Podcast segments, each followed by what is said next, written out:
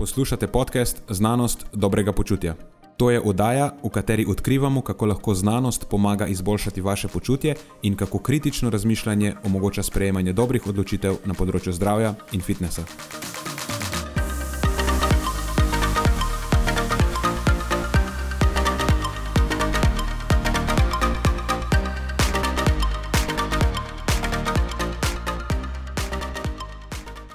Pozdravljeni, z vami smo Nenad in moja sovoditelja Marijo in Matjaš.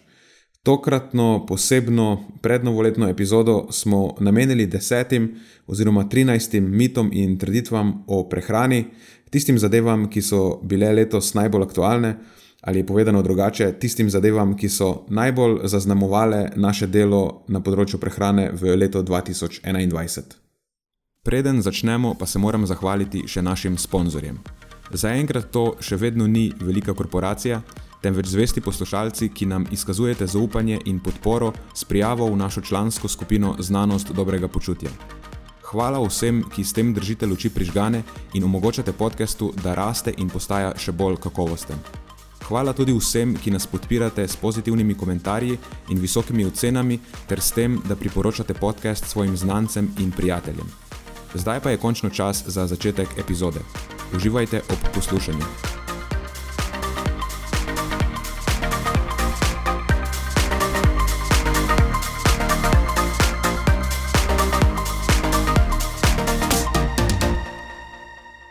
Tako da to je danes neke vrste zaključna epizoda, prednovoletna.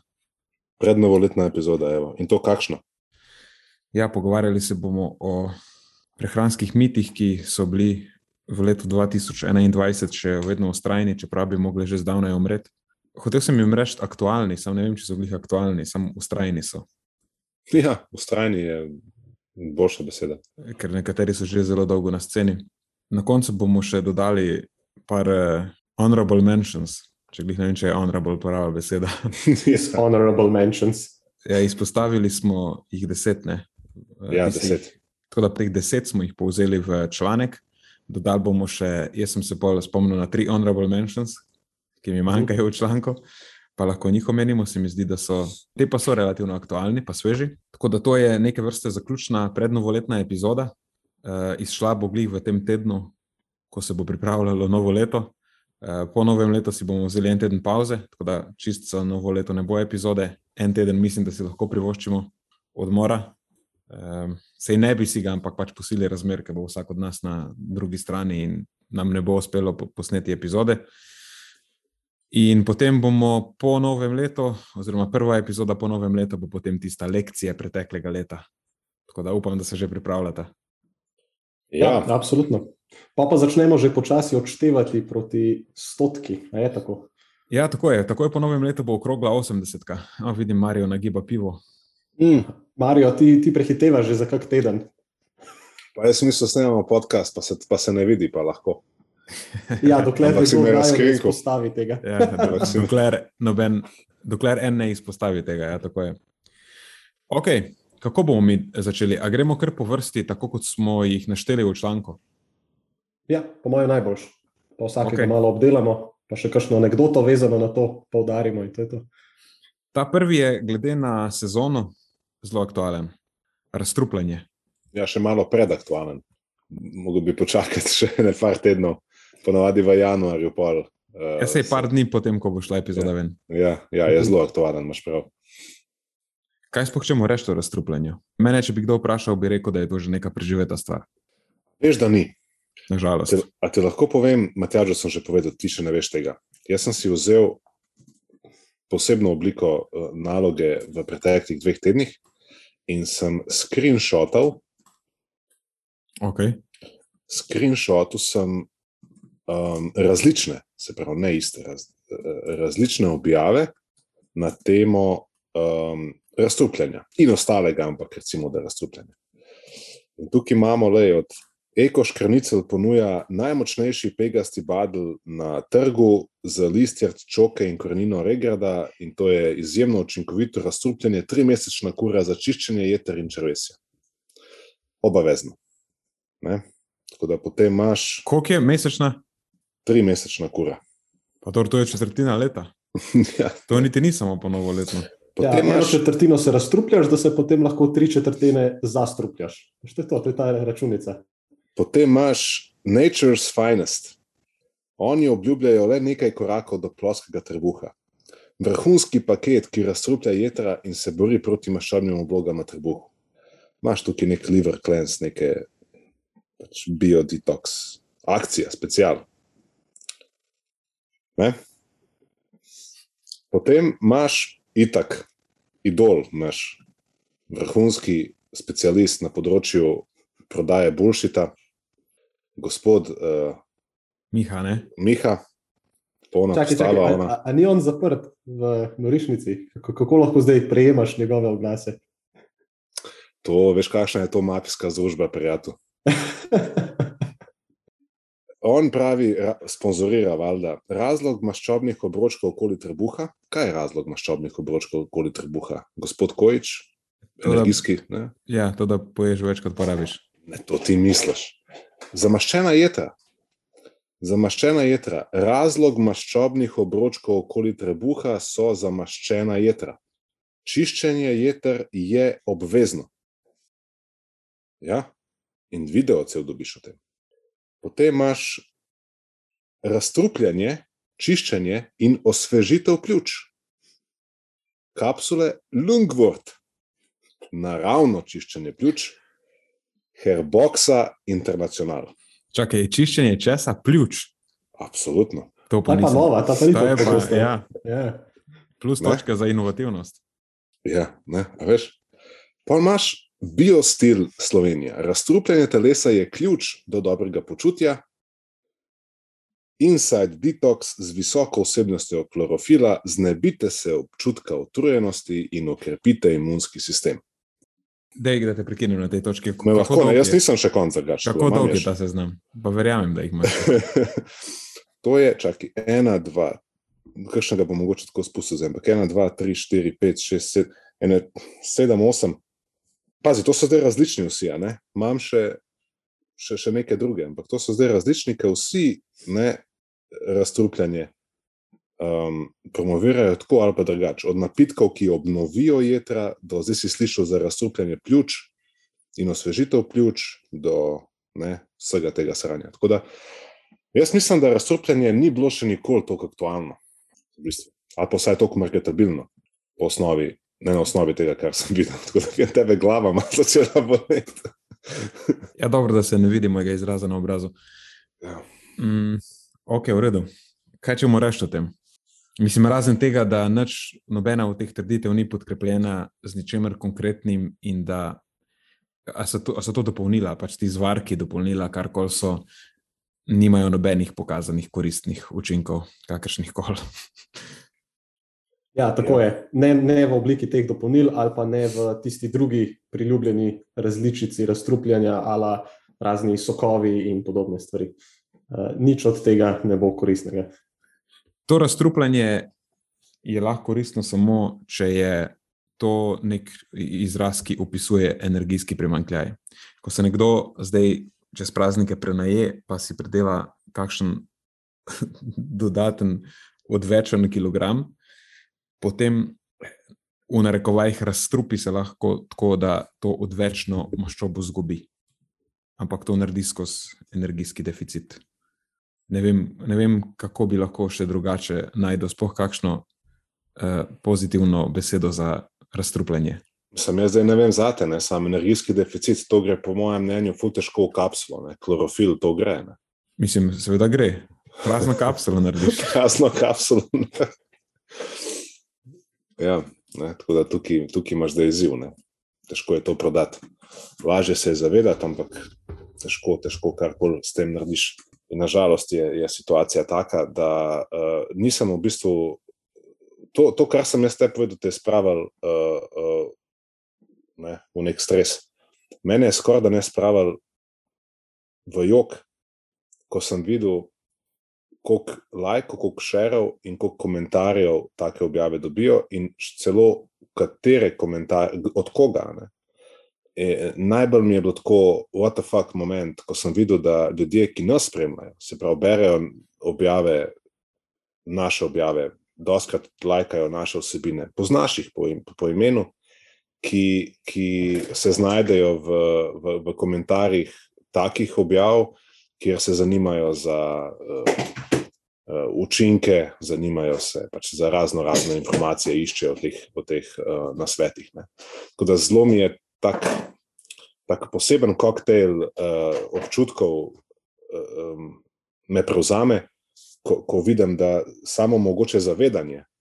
Da je neki bulšit, da se zavedamo, da ne obstaja neka čarobna tabletka, ne, uh, ni dovolj, v bistvu. Ne. Ni dovolj, da bi nekdo samo na tej osnovi uh, bil zaščiten.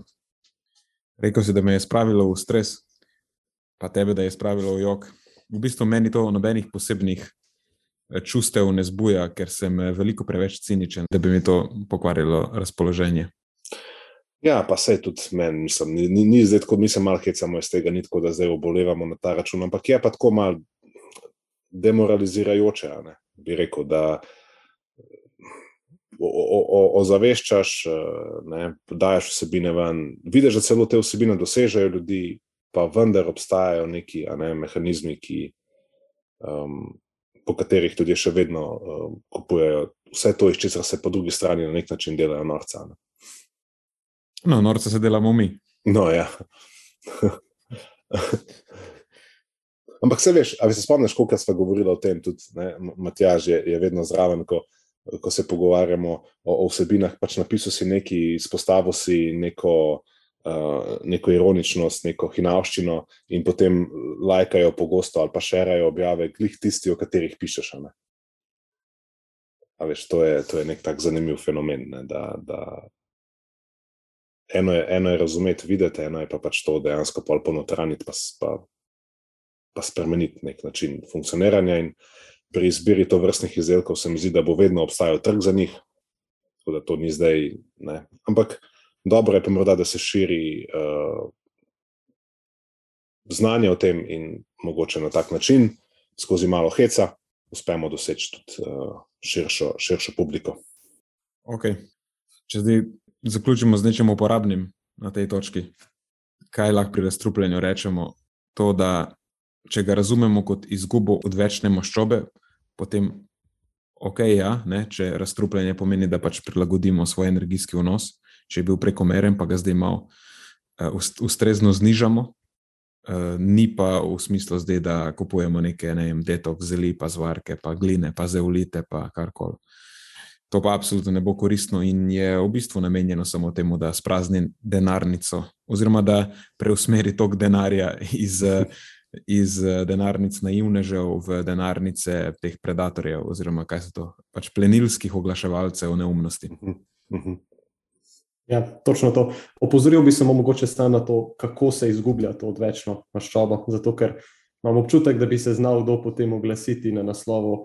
Ja, pa se izrecimo z nekim uh, detoxom, sokci in podobno, sem vseeno izgubil toliko, pa toliko kilogramov v kratkem času že, že gre se za izgubo odvečnih kilogramov uh, na način, ki ga lahko potem tudi vzdržuješ dolgoročno. Ker če misliš, da vse svoje obroke zamenjati s parimi zelenjavno sadnimi sokci, to ni nekaj, kar je načeloma vzdržno zelo dolgoročno.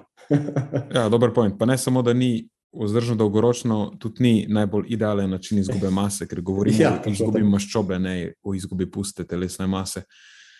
Ko se pa tega nekdo loti z sokci, prvič to je prehransko pomanjkljivo, ne? zna biti, da si bo pridelal kako prehransko pomankanje, ampak najbrž tega ne bo izvajal za dosto dolgo. Bo pa v tem procesu, sej bo zgubil dejansko, zgubil bo telesno maso. Samo ne bo to, eh, ne, rezultat ne bo idealen, ker bo v tem procesu izgubil eh, relativno večji delež eh, puste telesne mase, dočim, če bi to izvedel na nek pameten način, rečemo temu kjer bi pač poskrbel, da so vsi zaščitni dejavniki eh, porihtani, ne, v smislu, zaščitni dejavniki v smislu ohranjanja oziroma zaščite puste telesne mase, bi dejansko lahko izgubil pretežno samo odvečno maščobo. Mhm. Ampak to potem zahteva neke smiselne prehranske prilagoditve, ne pitje sadnih sokcev, ki se sicer slišijo kot neka bližnica, ampak v bistvu niso na dolgi rok bližnica, ker se lahko penih stvari pokvariš, ki jih potem ni enostavno povrniti nazaj. No. Ja, res je. Zgledajo kot bližnjica, so pa v bistvu samo enosmerna pot, ker se moš potem nazaj vrniti, pa iti it okrog po pravi poti. Ja, tako da lotevanje teh razstrupljanj na take vuvu načine z raznimi temi sokci, pa nekimi posti, pa takimi strmi je pač škodljivo. Je, no? ne, ne vem, kako naj to lepše rečem. Ok, mislim, da smo to razstrupljanje obdelali. Okay. Druga točka, gluten. Da gluten je pa škodljiv in se mu je potrebno izogibati. A, naša najljubša beljakovina, pšenična. Jaz bi, ne vem, če smo že prej rekli za razstrupljanje, oziroma si rekel, Nena, da se ti zdi, da je že malo pase. Uh, pa se mi vsaj za ta gluten zdi, da je, pa, da je mogoče reže nekaj, kar smo uh, potovkli notri, ampak očitno temu ni tako. Veš kaj, ta gluten, mogoče celo smo potovkli, ampak je zadeva transformirala, ta pošast je spremenila obliko. Zdaj je skar cela pšenica. Ne? Nekako, mislim, da določen delež ljudi je skapiral, da s celijakijo oziroma z glutenom ne, imajo problem res samo tisti, ki imajo celijakijo, ki je pač avtoimunska bolezen, ker telo reagira na ta gluten, in da je majhen delež populacije, ki ima problem s tem. Ampak obstaja pa nek subset populacije, pa, za katerega pa kao je pšenica pa vseeno zelo problematična. In je ta gluten je škodljiv, transformiral se mi zdi v pšenica je škodljiva. Nočem niti eno, niti drugo, ni res. Uh, tudi je res, da za nek subset ljudi, ki imajo al alergijo na pšenico, ali pa eno drugo stvar, ki se ji reče uh, non-celiac sensitivity, oziroma pač uh, kaj je to, ne celiakična občutljivost na pšenico, je pšenica lahko problem. Za tiste, ki imajo alergijo, je večji problem, ker pač reagirajo na beljakovine v, v tem žitu in pšenice ne smejo jesti. Dočim ta občutljivost na pšenico je tako malo en tak uh, meglen termin, in mislim, da večino ljudi, ki bi jih lahko okategoriziral v, v to skupino, imajo več ali manj problem samo z fermentabilnimi oglikovimi hidrati v pšenici. Tako da zaradi nekega razloga, ko te oni zadeve pojejo, jim ta zadeva prekomerno fermentira, pa povzroča prebavne simptome. Sam to ni nič škodljivega, samo neprijetno je, plus obstajajo oblike pšenice, pač neki izdelki iz pšenice, ki so fermentirani dlje časa, eh, ki jim pol ne povzročajo te težave, ne, ker gre za fruktane v, v teh žitih. Tako da neka te sourdough izdelki in tako naprej, mislim, da so za te ljudi primerni. Tako da ne govorimo o tem, da je pšenica kakorkoli um, škodljiva. Uh mhm. -huh. A bi ti kaj dodal, Marijo? Ja, oba sta v bistvu izpostavila zelo zanimive perspektive. Ne? Eh, tudi eh, všeč mi je bila ta tvoja ta tvoj prikaz eh, neke, nekega preoblikovanja tega mita ne, skozi čas, da v štartu je bil res gluten nekaj, kar smo vsi mogli vedeti, kaj je, neka nova beseda, praktično uh, za mnoge, potem pa zdaj, ah, ne, ne, ne, gluten pšenica, ne, pa, pa tako dalje. Pa tako dalje. Um, se mi zdi podobno tudi pri recimo, mlečnih izdelkih, da je do neke mere se to zgodilo. Ne. V štartu pač mleko in mlečni izdelki sploh niso bili ok, pa s časom, ah, ne, ne, ne, se jogurt je ok, pa skir sem mleko, zdaj sem. Veš, ne, se pravi, to, to, da se pol iz cele skupine samo eno stvar uh, izpostavi ven. Um, se mi zdi pa, da je to izogibanje žitom nasploh še vedno um, tudi en tak, vsaj manjši del te low carb uh, zgodbe, vsaj kot rečeno, en manjši del kjer se je v bistvu vsa žita praviloma dajalo stran, in potem čist um, tako izkustveno so ljudje opazili, da mogoče um, so logično, ker so jedli pač tudi manj vlaknin, manj fermentabilnih vlaknin, ki si jih omenil, uh, mogoče niso bili tako napihnjeni. Um, pač pustimo to, da so bili balačni, pa skozi lačni, ampak vsaj napihnjeni niso bili. Uh, in da so potem nekako tudi po povezali, da je ja, ok, ne, mogoče pa to res pšenica ni dobra za me. Um, in um, zdi se mi, da imam nekaj strank, ki, o katerih zdaj razmišljam, ki so na nek način padle tudi v to kategorijo iztočevanja vseh žit, začel se s pšenico, pa se je pol hitro to potegne za sabo. Um, in uh, vidim, da je potem tudi uh, prehransko gledano situacija lahko malo slabša. Uh, sicer žita res, da niso morda najbolj hranljiva stvar um, na tem svetu, pa vendar je težje zagotoviti energijske potrebe, morda ne, za, za tiste, ki imajo malo više energijske ne, sploh zahteve, pa so bolj dejavni. Pa predvsem zakomplicira prehrano, ful, v smislu, če hočeš iti kam ven, jesti, če si povabljen na kakšno večerjo. Če, ne, tako je težje zbirati, bolj kompliciraš in na nek način več stresa, na tak način si čist po nepotrebnem uh, v svojo uh, prehrano in posledično življenje uh, sam uh, apliciraš. Tako da Um, tukaj mislim, da je res čas, da tej pšenici nekako uh, nasplošno, uh, kot prvo, da iščem pravo besedo, da jo nekako oprost, da, da jo oprostimo. Uh, kot drugo, pa tudi, da si sami na nek način ne. Da nismo tako pristranski v diagnosticiranju nekih intoleranc. Ne. To je pač mogoče moje, uh, Sprav, to, to, da je, kot si sam rekel, pšenica je škodljiva, je tudi povezano s tem, da ko pojem več kruha in več izdelkov iz pšenice, sem bolj napihnen, in potem, ko teh stvari ne jem, sem pa manj napihnen. In pol nekako zelo tako enostavno bi bilo povezati to dvoje skupaj, pa reči, da eno povzroča drugo, in je potem to v osnovi škodljivo. Ne? Tako da to ni, um, to ni resnica, ampak razumem pa, zakaj je tako enostavno to usporednico potegniti. Mislim, za te prebavne simptome je tako, en kup stvari ponavadi krivi. Hm. Kaj si pojedel, še s to pšenico zraven? Ker doskrat ukrivimo za pšenico za nekaj, kar v bistvu, za kar je kupenih drugih stvari krivo. No? Veš, ja. Bilo mi je slabo, ker sem nekaj pojedel, namazal si gor kilo masla. Ja, ja. točno to. Ja, eh, pristransko diagnosticiranje pri prebavnih težavah, mislim, da je nekaj, s čimer se zelo pogosto srečujemo v praksi. Pa, um, mogoče še posebej v tem kontekstu, kdaj ko nekdo nekaj zaužije, pa potem pravi, da mu je to povzročalo težave. Mislim, da nekako ljudje ne enačijo, uh, oziroma enačijo takoj tisto akutno, kar zaužijo z nekimi simptomi. Ne pomislijo pa, mislim, da je po vsej verjetnosti to zadevno povzročalo že nekaj, kar je, kar je prej zaužil, ali pa prejšnji dan zaužil, in tako naprej. Tako da tu, tukaj se glih ne bi kaj preveč obešal na svoje lastne anekdote, razen če si se te stvari lotil zelo, zelo analitično. Ja, mislim, tu smo zdaj pri osnovah eh, fiziologije prebave. Ne? To, kar si ti pojedel zdaj, ne more imeti nobenega učinka, ker je še zmeraj v želodcu in se praktično je komaj začelo prebavljati. Eh, če nekaj poješ, pa se čutiš takoj simptome, pol vprašanje, ali je to prejšnji obrok, ali je že tisti predprejšnji obrok ali karkoli. Tako da res težko sklepaš tukaj. Ne? In tudi ena hrana hitreje potuje, če skozi prebavila, druga počasneje. Um, težko je pol to sklepati. Ja. Ok, da bomo mi iti na tretjo točko. Če bomo šli v tem tempu, bomo jutri zjutraj glih končali. Vse, veš, tako delamo za dva tedna, ne? pa pol, a veš, en teden ne bo, pa zdaj lahko stisnemo. Zdaj pa lahko stisnemo tri ure. Ja, ne, bomo, ja. bomo mi eh, kar malo pospešili ta tempo. Ajde, demo. Ja. Eh, tretja točka je, meso povzroča raka. Um, lahko bi celo rekli, da meso povzroča razne bolezni, to je neka taka trditev. Meso na splošno je na slabem slovesu, se mi zdi, ker se ga povezuje z številnimi neugodnimi izidi. Uh, jaz bi sam tukaj mogoče to bi izpostavil, da povzroča meso, ničesar ne povzroča.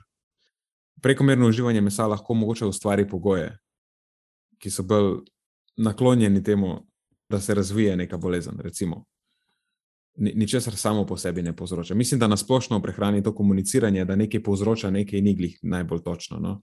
E, tudi, ko govorimo, sploh pa, ko govorimo o raku. Veš, ni glih, da zdaj nekaj povzroča raka samo po sebi, rak je tako kompleksna bolezen, da pač morajo biti ustvarjene neki pogoji, v katerih se lahko razvije. In zdaj meso je tukaj v najboljšem primeru lahko eden izmed številnih dejavnikov.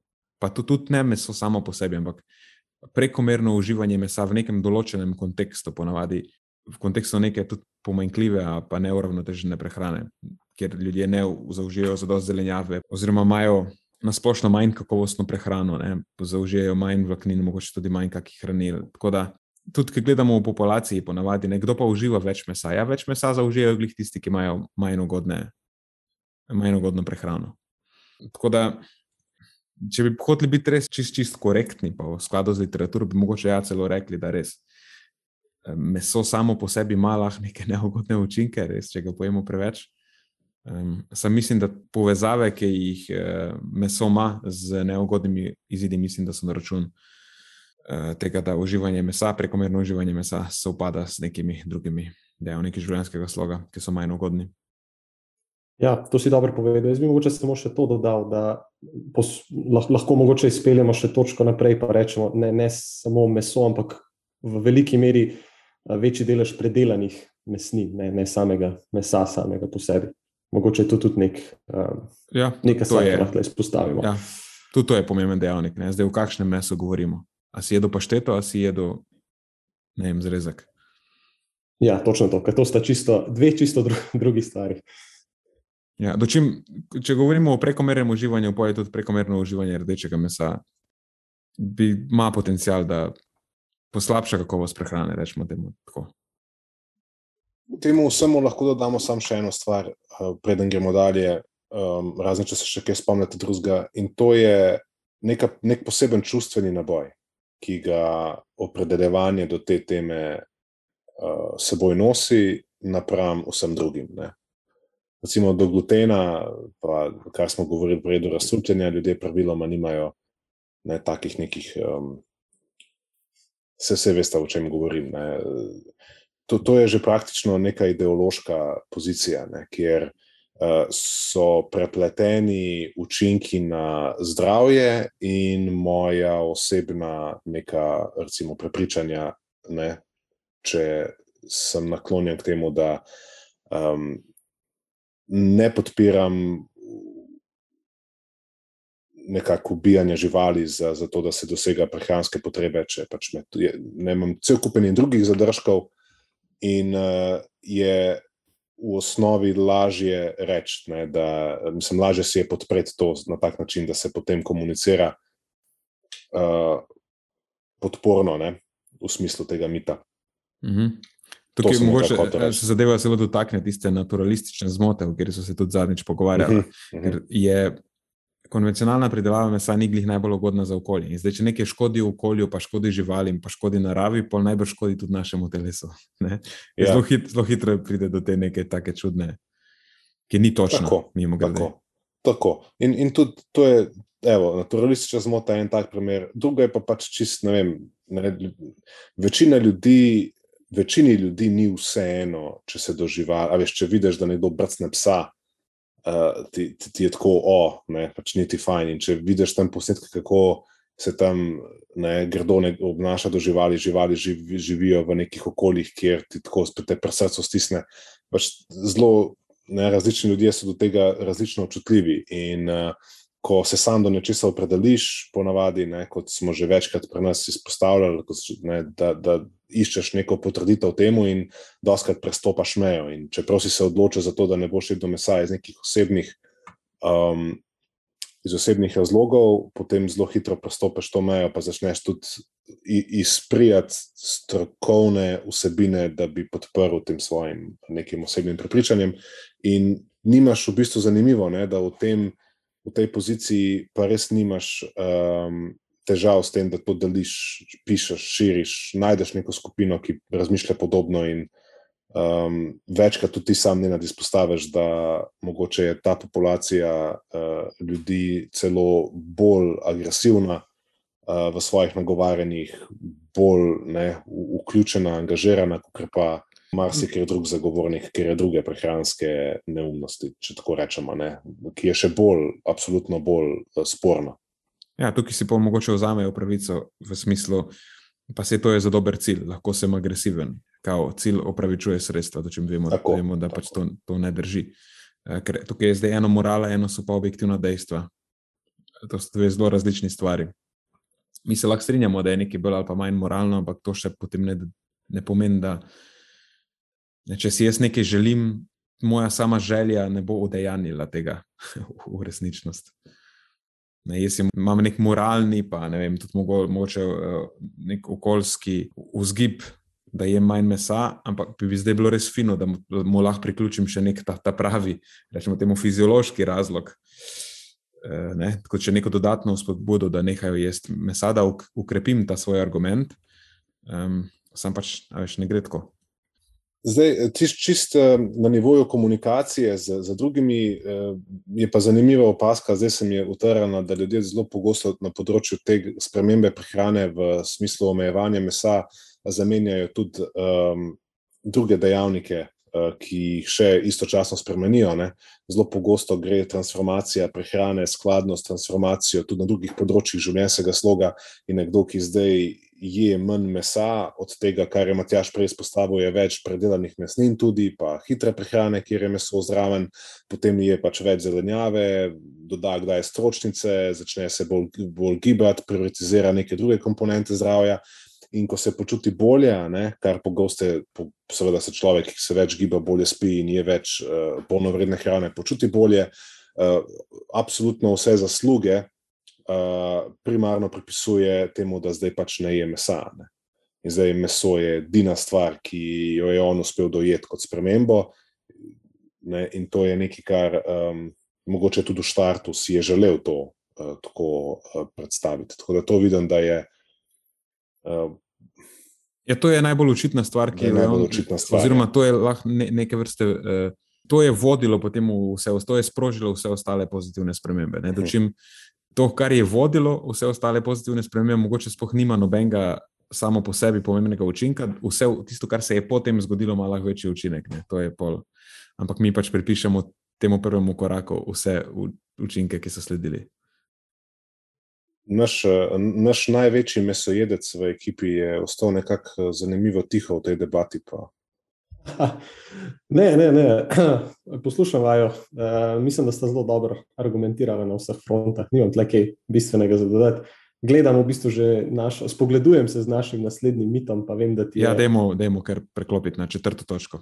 Vem, da ti je ta Marijo zelo, zelo pri srcu, še posebej v zadnjem obdobju. Sem te slišal že parkrat govoriti, uh, celo s parimi našimi varovanci, če se ne motim. To so pa uh, vitaminske infuzije. Uh -huh. Uh -huh. Ja, ta je. Uh, Le, jaz sem bil uh, v zdravilišču, kot veste, ne, in uh, to je nekaj, kar je kar v odkriti ponudbi tudi zdravstvene, nekih zdravstvenih ustanov. To je zanimivo. Ne. Recimo, razstrupljenje ponadi ne boš v bolnici videl. Ne. Tudi takih traditev, pa stališč, kot smo jih predstavili do zdaj, ponavadi v nekem takem settingu ne najdeš.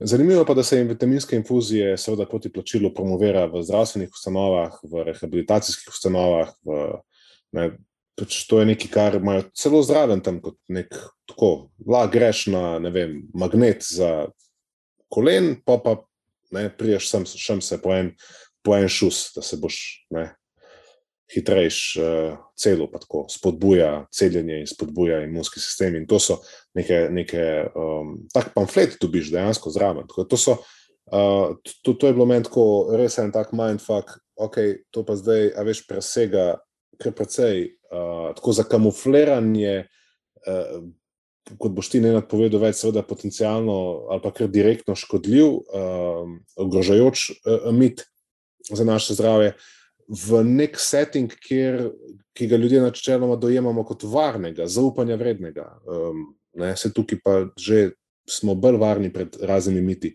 Ampak, evo, tega, tukaj so vitaminske infuzije. Ne, in, to je kar, um, kar skeri. Ja, pa nevrjetno je. Mislim, da še posebej vitamine pogosto dojemamo eh, tako, kot veš, več je enako bolje v vsakem scenariju. Mm -hmm.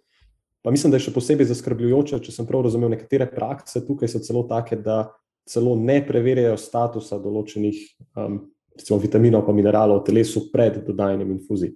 Uh, mislim, da ste se ravno zadnjič pogovarjali, Marijo, za eno varovanko, kjer niso mhm. preverjali statusa železa pred infuzijo. To se mi pa zdi uh -huh. že mhm. tako malo, um, ne malo, to je zelo etično sporno. Ne moreš kar dodajati nečesa, brez da bi vedel, kakšna je situacija na začetku, ker preveč je lahko celo bolj škodljivo, kot pa malo premalo. Ja, pa da ne omenjamo tega, da tukaj gre to direktno v obtok.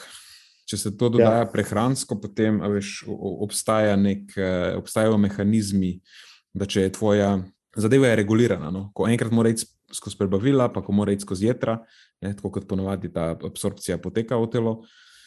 So zadeve regulirane in je težje si pridelati nek problem, ker vemo, da ne, se vsa hranila, pa snovi na splošno, eh, odmerek je tisti, ki naredi v nekaj v koristno ali pa v nekoristno. In če je zadeva v prekomernem odmerku, je lahko tudi eh, škodljiva, tudi če gre za esencialno hranilo v končni fazi.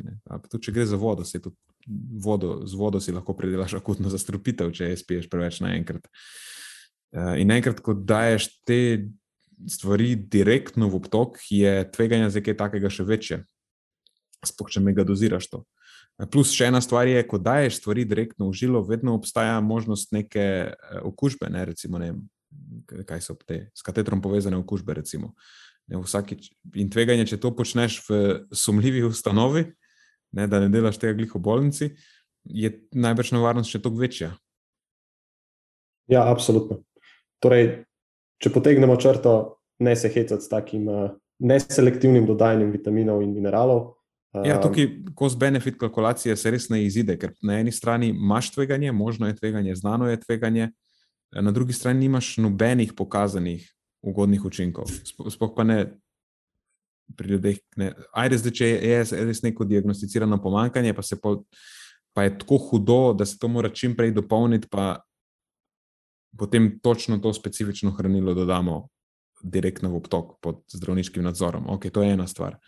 Ampak ljudje se danes odločajo zato, ker v nekih čudnih klinikah, pa neke multivitaminski koktejli, pa bovo vi kaj še vse noter. Mislim, da sem slišal tudi, da obstajajo kolagenske te infuzije neke.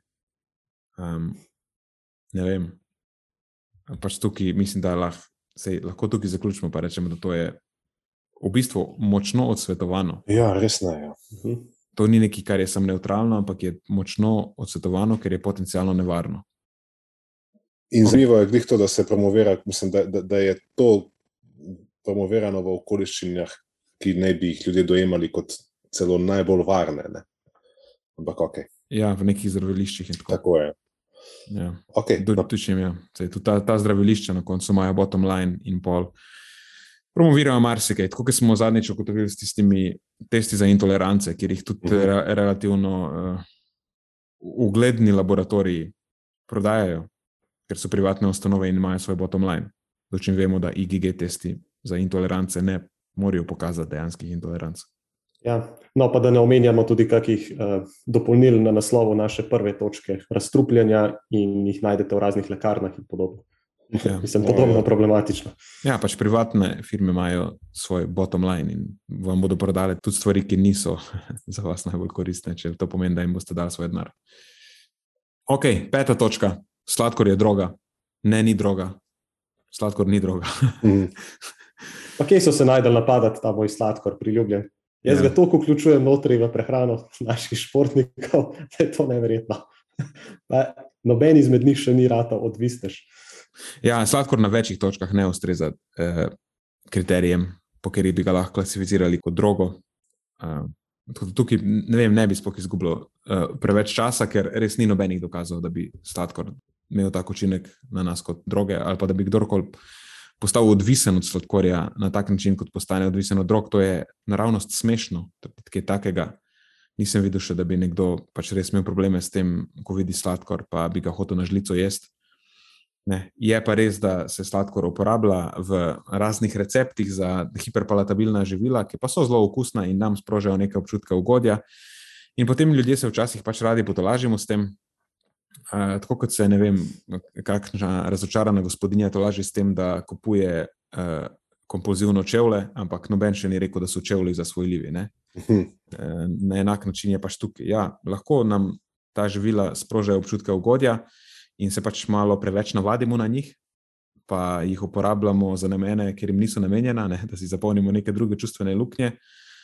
Ampak to je problem bolj navade, ne gre za to, da so ta živila sama po sebi fizično zasvojljiva. Ampak smo se pač navadili, nek patološki mehanizem smo razvili, kako probamo shajati um, z nekimi življenjskimi situacijami. Eh, drugače pa mogoče samo še to lahko rečemo, da ta živila ponavadi niso sladkorna živila. Ampak tukaj je sladkor bolj za začimbo. So mešanica maščob pa sladkorja, doskrat pa sladkorja sploh ni zraven, ampak so maščobe pa sol, kot čips pa take stvari. To so ponavadi.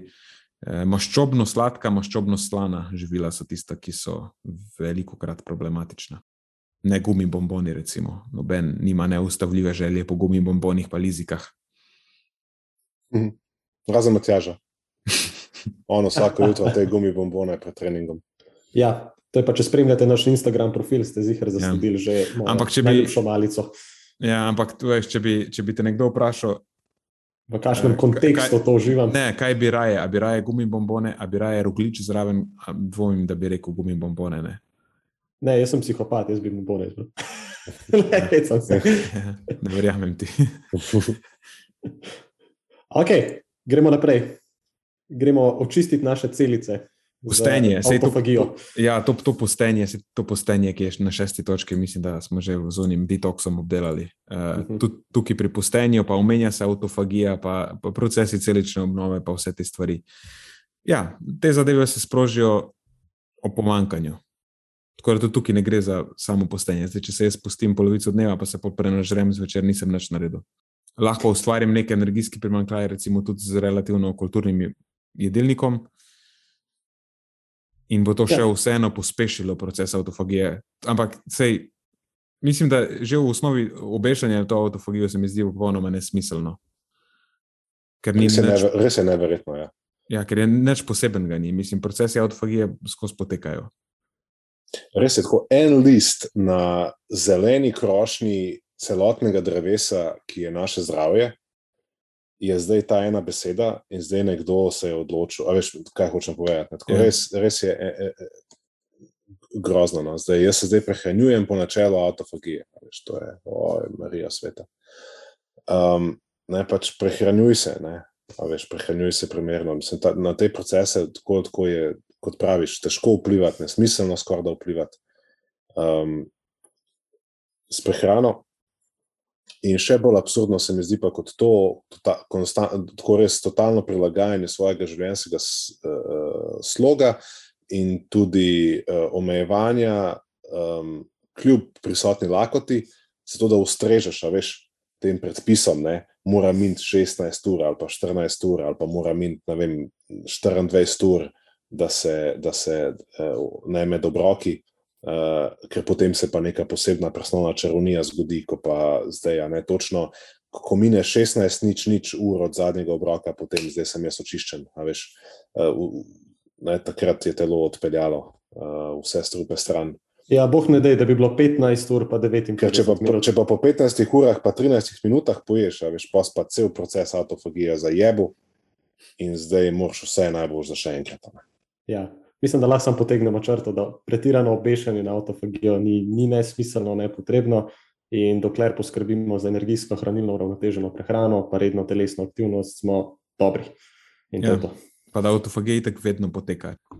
Je pa morda to zelo dober filter, uh, itak vse, o čemer govorimo, vsi ti miti, ampak tudi ta, uh, ki si ga ne nad ti omenil uh, v prejšnjem podkastu, ne, mislim, da si ga v prejšnjem, da se skrivajo za velike besede radi strokovnjaki. Se pravi, ko nek strokovnjak začne uporabljati neke velike besede, kot je autofagija, ne, česar ti mogoče ne poznaš, pa ti začne na osnovi tega pa ne, nekaj prodajati, neke uh, ideje in napotke, potem je to mogoče nek dober znak, da ne, se je zapletel nekje, kamor ti nočeš iti. Ok, sedma točka. Navadna zelenjava je špricana in nehranljiva. Ja, res. To, lej, že dva dni nazaj sem to poslušal. Ali včeraj sem presenečen, Matjaž. koliko to slišimo. Ja, ali so to reči, da sem presenečen, ja. koliko to slišimo, pa tudi na kakih eh, predavanjih, ne, ki jih imamo, pogosto neko vprašanje ravno na, to, na tem naslovu pade. Uh, kaj, kaj lahko rečemo? Pač, ne, Mislim, ja, zelenjava je špricana. Ja. Ker Če ne bi bila špricana, pol ne bi zrasla.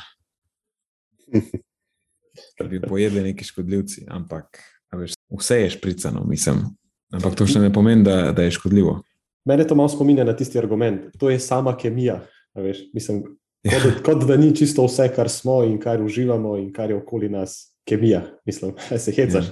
A je postala kemija na tako slabem glasu? Ne vem. jaz, nisem, jaz nisem imel kemije, mislim, jaz sem imel slabo oceno za kemijo, v šoli. to ni neka moja, lih ni moja izbira, predmeta bila nikoli, ampak a ni zanimivo tako. Zdaj. Danes v tem svetu, smo kar kemija na zelo slabem glasu. Če je kemija v prehrani, to je slabo, kemija to ne.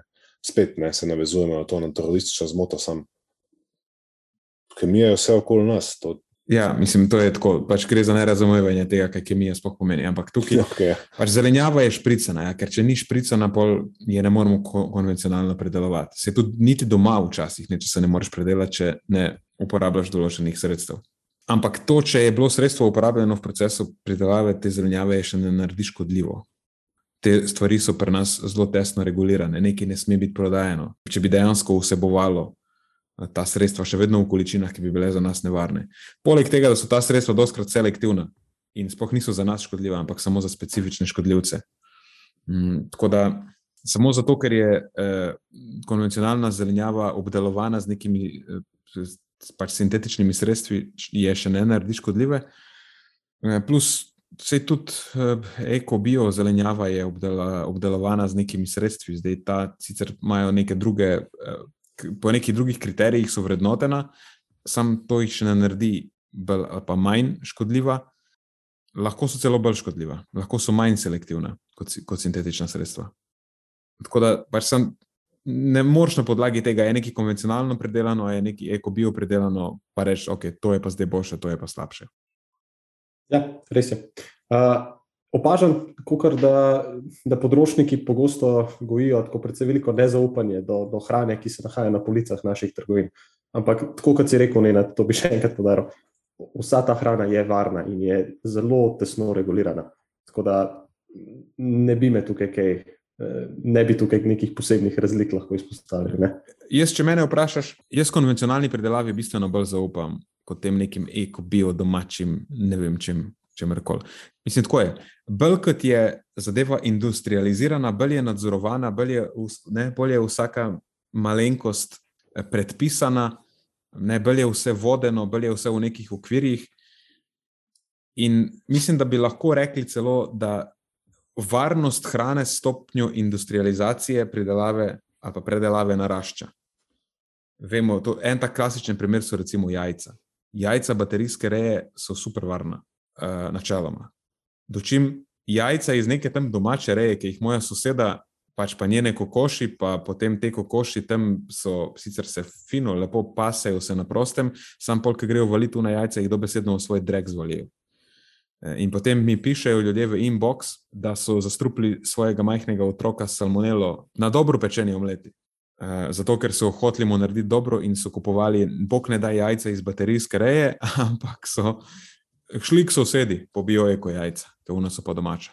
Ne? Pa so dobili domačo salmonelo. Pa. Ja, kako ironično. In mislim, da podobno je tudi pri zelenjavi. No? Pač jaz, če mene vprašaš, bolj kot je industrializirano, bolj jaz temu zaupam. Ja, regulativni mehanizmi so absolutno bolj natančni ne, v tej verigi. Um, ampak. Drugač pa še ena, še ena stvar je mogoče, ki jo tukaj lahko izpostavimo, je to, da marsikdo misli, da je v tej eko-bio zelenjavi eh, drastično višja vsebnost določenih hranil. To vemo, da ni res.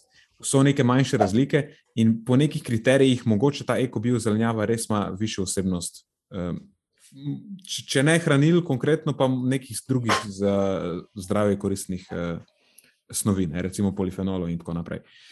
Samo ra- razlike tukaj so zdaj, to ni ena pa nula, ni zdaj, da konvencionalna zelenjava pa sadje tega nimata. Mogoče ima neka domača pridelava, na koncu taka zelenjava ima vem, 10 odstotkov, govorim na pamet, ampak mislim, da nisem preveč zgrešil. Da je tudi v literaturi nekaj takega. Nekaj, recimo, da ima 10 odstotkov več uh, polifenolov, recimo doma pridelan brokoli.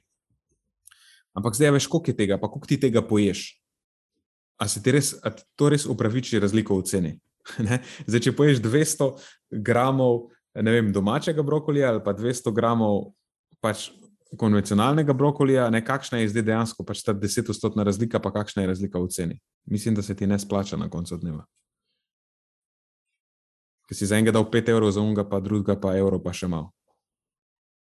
Ja, good point. Ampak razlika okay. je pa obogih 10 odstotkov. Ne? Poleg tega, da brokoli najbrž ni edini vir teh snovi v tvoji prehrani. Dobro, mislim, da smo obdelali točko 7 da se pa lahko vrnemo v antiko za trenutek in ja. hrana je zdravilo. Točka 8 je, hrana je zdravilo. Kaj bomo tukaj rekli? Kaj je bistveno zapovedati, da ne filozofiramo preveč? Ja. Uh, prvo,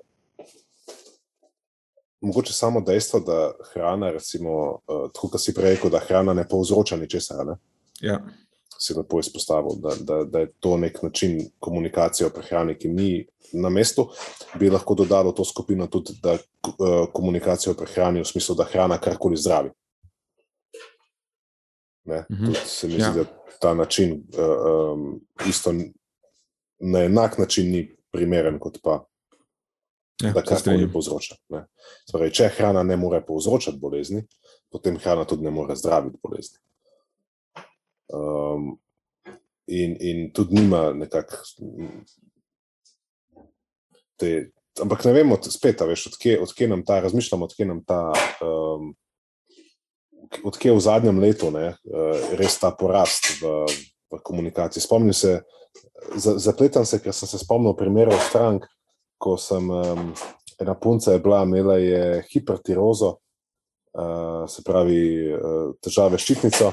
In uh, dost, mislim, nekatere stvari se da z, s pomočjo zdravil ele, bolj elegantno uravnavati. In ko sem jo vprašal, pač, katera zdravila prejema, ali pa če je bila na pregledu, je rekel: ne, ne, ne, eh, jaz pač sam s hrano hočem to uravnavati. Ne.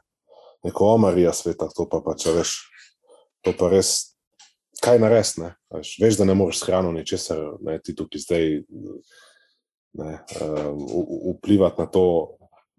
Ne, in vidim, da je to en, samo en tak primer, v množici primerov, kjer se je cel kupenih um, bo konkretnih bolezni, ki se jih zelo elegantno danes uravnava z, z, s pomočjo medicine, enostavno z- zavrnilo in se je šlo v to smer z reševati s spremembami, drastičnimi spremembami prehrane. Tako da to je. Ja. Tukaj mogoče samo lahko rečemo še, da ko gre za neko pomankanje, potem lahko hrana nas povrne v neko normalno stanje nazaj. Pač umili oziroma odpravi simptome tega pomankanja. Zdaj, konkretno, recimo, če ščitnica je, eh, deluje suboptimalno, ne, torej da je pač raven ščitničnih hormonov znižana, to je lahko posledica energijskega pomankanja. In pol, ko nekdo začne jesti uh, normalno nazaj, oziroma ne, se povrne v energijsko ravnovesje, se lahko to normalizira. Ampak tukaj, to, temu ne moremo reči, da je to zdravilen učinek hrane. To je tako, da bi rekli, da, pa, veš, da je kisik zdravilo, zato ker eh, lahko pozdravi dušenje. Ne vem, Ja. ja. smešno je. Ne moreš stvarem, ki so esencialne za preživetje, reči, da so zdravilo, zato ker ne, pozdravijo simptome pomankanja. Pač Zdravila so neke posebne snovi, ki prej niso obstajale v tvojem obtoku in ki imajo neke zelo specifične fiziološke učinke, ki jih zaužiješ. In potem, ne, če, jih, tudi, če jih zdrav človek ne uživa, nima pomankanja. Veš, noben nima pomankanja eh, statinov. Recimo, ne. Mislim, ne, statine se daje z specifičnim namenom uravnavanja holesterola v krvi. Eh, In zato so zdravilo. Ne, hrana pač ni zdravilo. Na, na večjih točkah se eh, principi delovanja Močno hranil, razlikuje. hranil močno Ja. razlikujejo ja, od delovanja zdravil.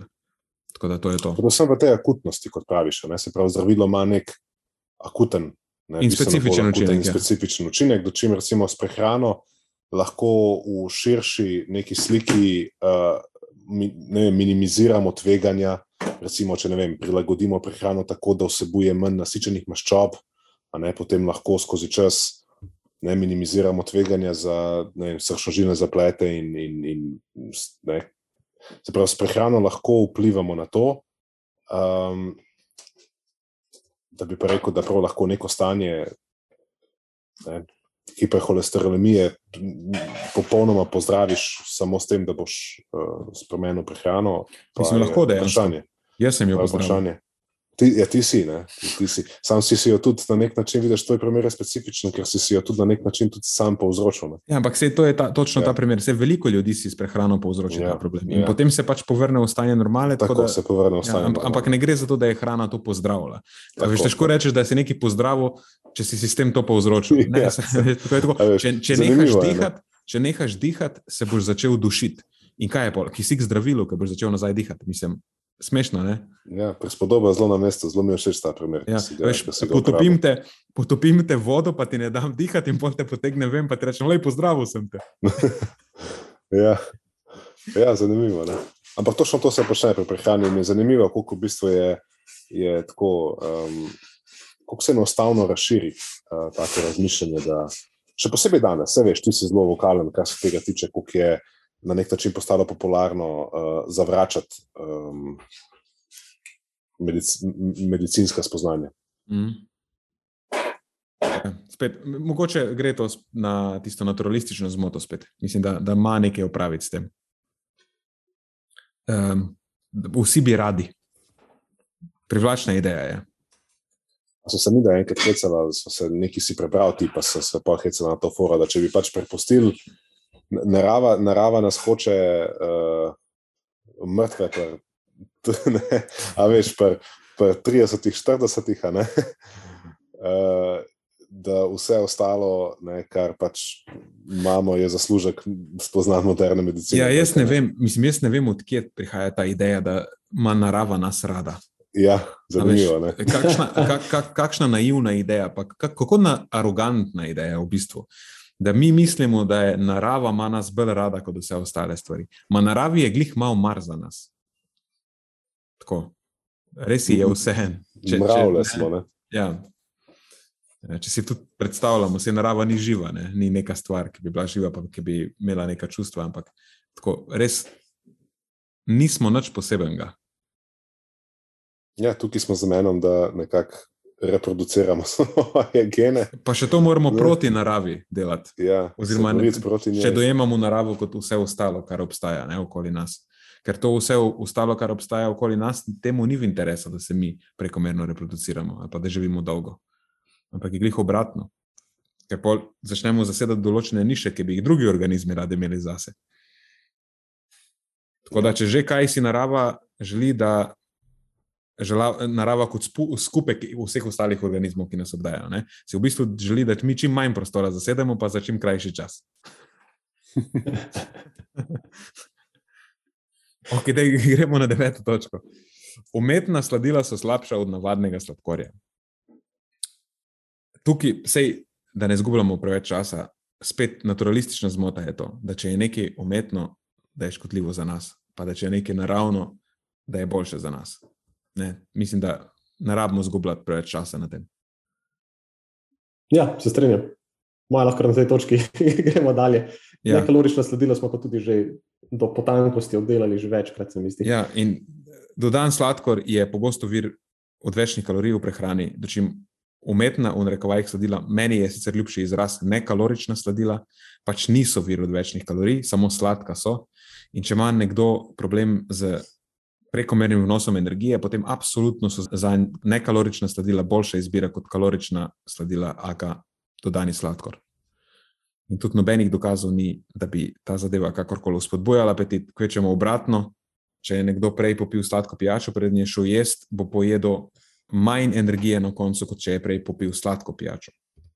Če recimo imamo pijačo z nekaloričnim sladilom pred obrokom, bomo pri tem obroku potem pojedli neko količino kalorij.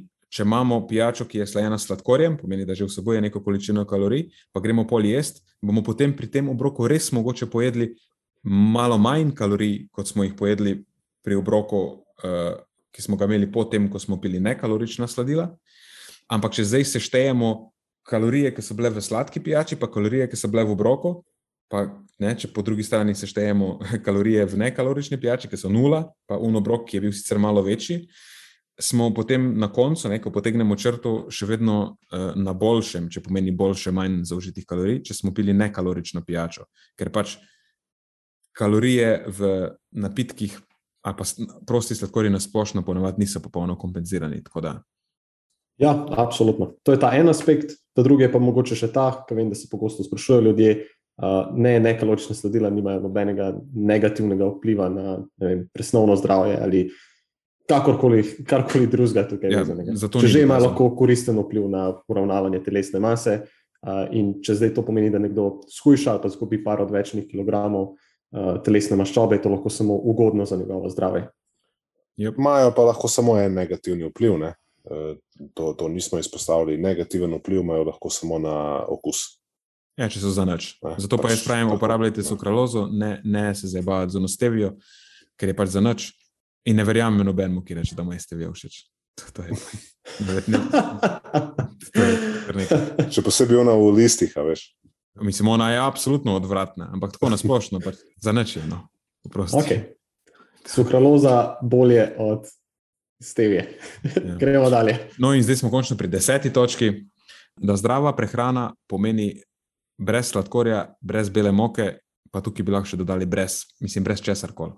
Ta brez, Je brez tri, tri, tri pikice.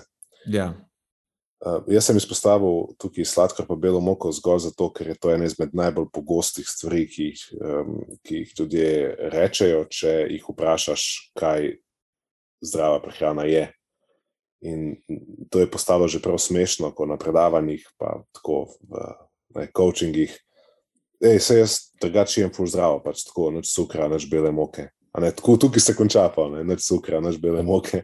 Ne, in ta cukor in bela moka sta postala kot nek tako, ne vem, kralj in kraljica vsega, česar se ne sme. Ne, um, ja. ko govorimo o zdravi prehrani. Ne. In mi je tako res fascinantno, odkje je zdaj cukor pa bela moka. Uh, kdo se je odločil, da je to najbolj slaba stvar v prehrani? Ali pa aditivi. A, dobro, ja, aditivi. To je zdaj. eh, To, pred tem strašijo prehransko ozaveščeni. Ja. Dočim vemo, da to v bistvu ni pomemben kriterij. Kaj so Marijo kriteriji? Ja, tukaj, um, tukaj treba izpostaviti sam, sam tri stvari. V bistvu. Kaj sploh je pol zdrava prehrana? Ne? Da zdrava prehrana v prvi vrsti ni uh, prisotnost ali odso- odsotnost enega živila ali pa pač nek konkreten plan prehranjevanja, ki bi zdaj bil zdrav v primerjavi z enim, ki ni. Uh, mora nekako biti hranilno in energijsko uh, primerna. Ne? To je nek prvi kriterij, ne? osnovni, prvi in drugi da, da, da nismo podhranjeni, da, nismo, da, da se ne prehranjujemo toliko, da se radimo, da imamo neko nezdravo količino odvečnega maščevja. In uh, da nekako ne izključujemo nekih živil za brez veze in si s tem pridelujemo uh, neka prehranska pomankanja, da imamo ne, zadostno mero hranil. In to so zdaj kriteriji. Kako bomo pa mi to dosegali, ne? kako bomo mi zdaj zagotovili svoje energijske in prehranske potrebe? Ja, to je pa zdaj res, a veš, ono stvar posameznika. Bo en jedel malo več bele moke in malo manj, a bo en jedel malo več cukra ali malo manj, a bo imel više energijske potrebe ali manj nižje, ali bo jedel več mesa, manj mesa, več mlečnih izdelkov, manj mlečnih izdelkov, več rib, manj rib. To je vse pol stvar, a veš, ne, nekak posameznikovih izbir, um, ne pa nekih univerzalnih pravil zdravega prehranjevanja. Dočim lahko imaš celo posameznika, za katerega bo dodatek sladkorja pa bele moke v prehrano koristen. Absolutno. Saj, to, je pa, to je pa vedno večja v bistvu skupina. Ne? Ja. Uh, Matjaž lahko več pove o športnikih, s katerimi ima veliko opravka in jih dobesedno mora ne samo njih, ne Matjaž, ampak tudi starše doskrat prepričati, da ej, cukor za vašega 15-letnika, ki laufa ne, 250 tisoč km na dan po, po igrišču, mogoče ni glih najslabša stvar na svetu, ne, in da vam bo skiril, če ga boste s to solato futrali, kaj enega, a veš, vrabca. Tako da ne, je to verjamem, da Matjaš pri športnikih še toliko večji izziv. Ja, absolutno. To je eden izmed klasičnih pogovorov, ki jih moramo imeti tekom coachinga. Uh, in ja, se je tako dobro si povedal. Če ne, če ne bo pač tako zelo fizično aktiven, potem moramo narediti prehod od teh manj predelanih do, do, do bolj predelanih živil. In to je, je v bistvu esencialno na neki točki, ker se enostavno ne da drugače um, poskrbeti za zdravo prehrano tega posameznika. Ne. Tle lahko mogoče tudi vidimo, kako se zdrava prehrana dejansko lahko razlikuje od posameznika do posameznika, oziroma kako ustrezamo tem pogojem se razlikuje. Uh, še vedno pa se nahajamo znotraj tistih treh osnovnih točk, ki si jih ti omenil, Marijo. Ja. In da je malo ironično, da je beseda brez tista, ki danes označuje kao zdravo prehrano. Ker brez je nekaj, kar ponavadi uporabiš, ko govoriš o nečem, kar je pomanjkljivo. Ja. A ni zanimivo. Ne? Ja, In vedno sej- razmišljamo o zdravi prehrani skozi prizmo tega, da črtamo in črtamo stvari ven iz svoje prehrane. Ja. Ampak Dočim, je točen, točen pogled na prehrano je, koliko je ustrezna količina nečesa. Ne, ne, ne kaj moraš črtati, to nima nobenega smisla. ali pa če se moraš uh, preveč zaužiti, se pa vrnemo nazaj na vitamine in minerale in podobne stvari, ki Ja. smo jih prej.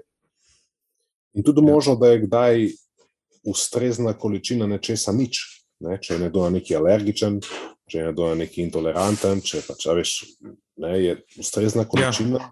nič. Ne? In za nekoga, ki je alergičen na ne vem, pšenico ali pa prej smo omenili, ne, bo pač za njega ustrezna prehrana, zdrava prehrana, taka, ki bo vsebovala nič pšenice. Ne? Ampak to so redki primeri. Absolutno. Ja, Ja. absolutno ne. uh, so, ampak tako. Ne. Um, tudi navezati, navezati sem se hotel na to ustreznost, o kateri si govoril. Ne, da pač imaš lahko tudi, uh, imaš lahko tudi uh, take primere, ne, kjer Ampak na splošno, ja, za večino obstaja neka podobna količina, ki jo vsi rabimo.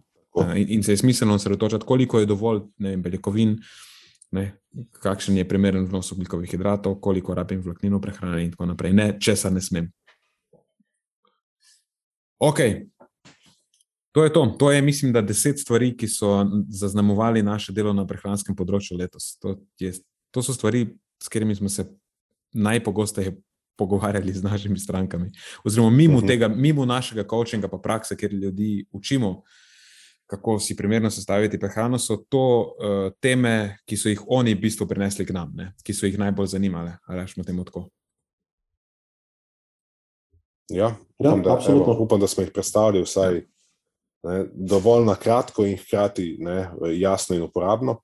Um, tisti, ki že dlje časa poslušate podcasta, vse to že verjetno slišali v podrobnosti, eh, strani ne, da pa Matjaža, pa nekaj stvari so tudi midva ne, s- eh, predelala.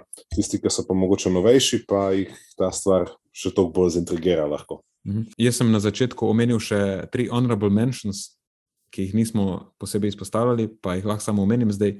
Eno je definitivno mikrobiota. Mikrobioti se danes pripisuje fulejnih stvari, pa kako moramo se prehranjevati, pa da bomo spremenili svojo kompozicijo, pa eh, celo neki probiotiki, pa to in ono.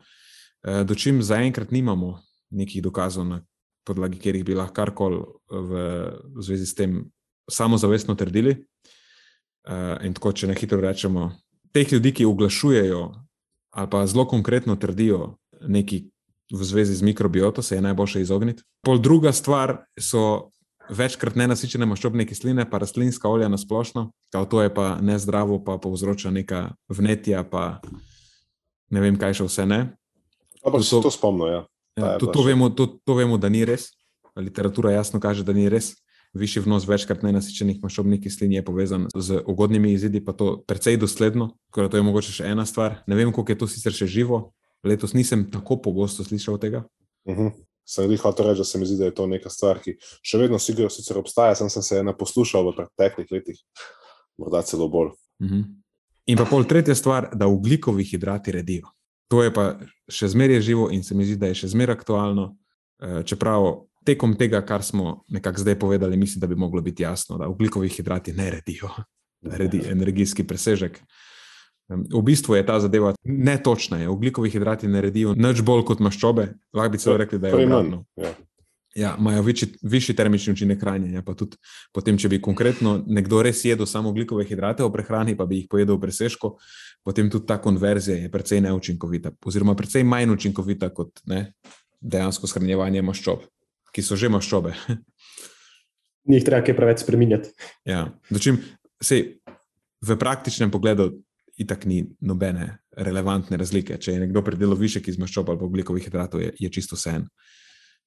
Mm, Ker tudi noben ne je samo ugljikovih hidratov. In pol, če je pojedel malo več ugljikovih hidratov, pa je pojedel nekaj maščob v prehrani, se bo itak te maščobe shranile. Tako da je nerelevantno. Samo pač ni res, da ugljikovi hidrati sami po sebi redijo.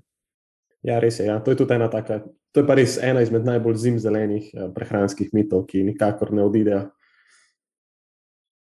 Mislim, da bomo se o njem pogovarjali še v letu 2022. Ja, jih hotel Ja, reči, da se nam obeta to tudi v naslednjem letu.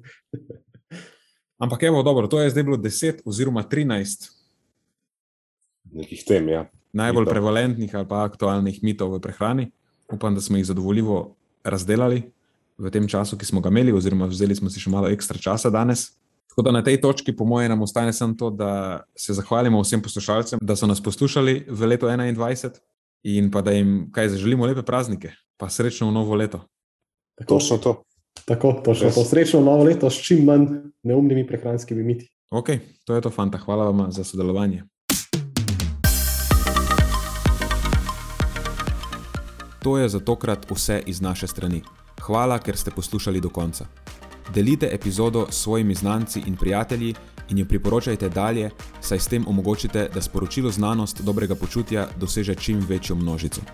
Hvala vsem, ki nas podpirate s članarino in tudi vsem ostalim, ki delite podcast dalje in nam izkazujete naklonjenost z visokimi ocenami in pozitivnimi komentarji. Se slišimo prihodnjič, do takrat pa ostanite premišljeni.